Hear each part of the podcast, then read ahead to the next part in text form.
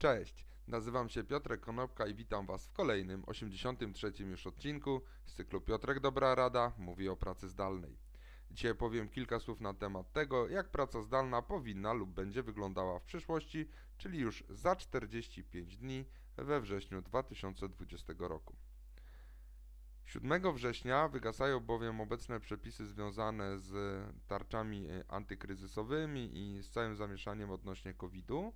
E, I w tych przepisach znajdują się te regulacje, które pozwalają na pracę zdalną w obecnej sytuacji, czyli na nie na wniosek pracownika, ale na podstawie ustnego nawet polecenia pracodawcy. Większość z nas trafiła do pracy zdalnej w domach. Jeżeli te przepisy wygasną, to znajdziemy się w takiej samej sytuacji, jak byliśmy do marca 2020 roku, czyli do dnia pójścia na pracę zdalną. I teraz, jak może wyglądać nasza przyszłość? Jakie są opcje?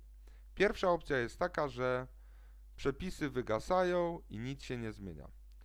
Co to będzie znaczyło dla pracowników? Albo, że wszyscy wrócą do pracy i będą pracowali stacjonarnie, albo jeżeli pracownik poprosi, będzie musiał podpisać z pracodawcą nową umowę. Tym razem będzie to umowa o telepracę. Ona jest regulowana kilkoma dodatkowymi zapisami związanymi z wyposażeniem stanowiska pracy czy z rekompensatą dotyczącą e, na przykład za używanie komputera prywatnego do celów służbowych. Także być może będzie, jeżeli będziecie chcieli dalej zgodnie z prawem pracować w domach, być może będziecie zmuszeni poprosić, zawnioskować u pracodawcy o podpisanie nowej umowy, tym razem o, z umową o telepracę. Inną opcją jest to, że być może druga fala COVID-u przyjdzie i uderzy we wrześniu i tarcze antykryzysowe, albo przynajmniej zapisy związane z y, elastycznością dotyczącą telepracy czy pracy zdalnej zostaną przedłużone, to wtedy nadal będziemy w takim tymczasowym trybie. Jak wiemy, w Polsce ta tymczasowość czasami jest y, najbardziej trwała. Najlepszym dowodem na to są na przykład jest most Syreny w Warszawie, który był bardzo długo tymczasowo postawiony, albo hale Markpolu, które na placu Defilat też tymczasowo stały przez kilkanaście lat. Takich przykładów tymczasowości może być bardzo dużo.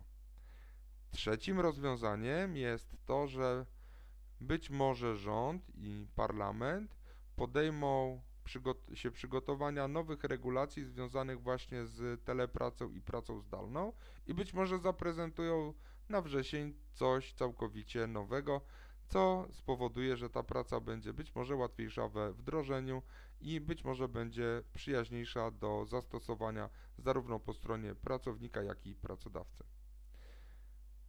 To są moje przypuszczenia. Ciekawy jestem, jak wyglądają Wasze pomysły na to, jak będzie wyglądała praca zdalna za 45 dni.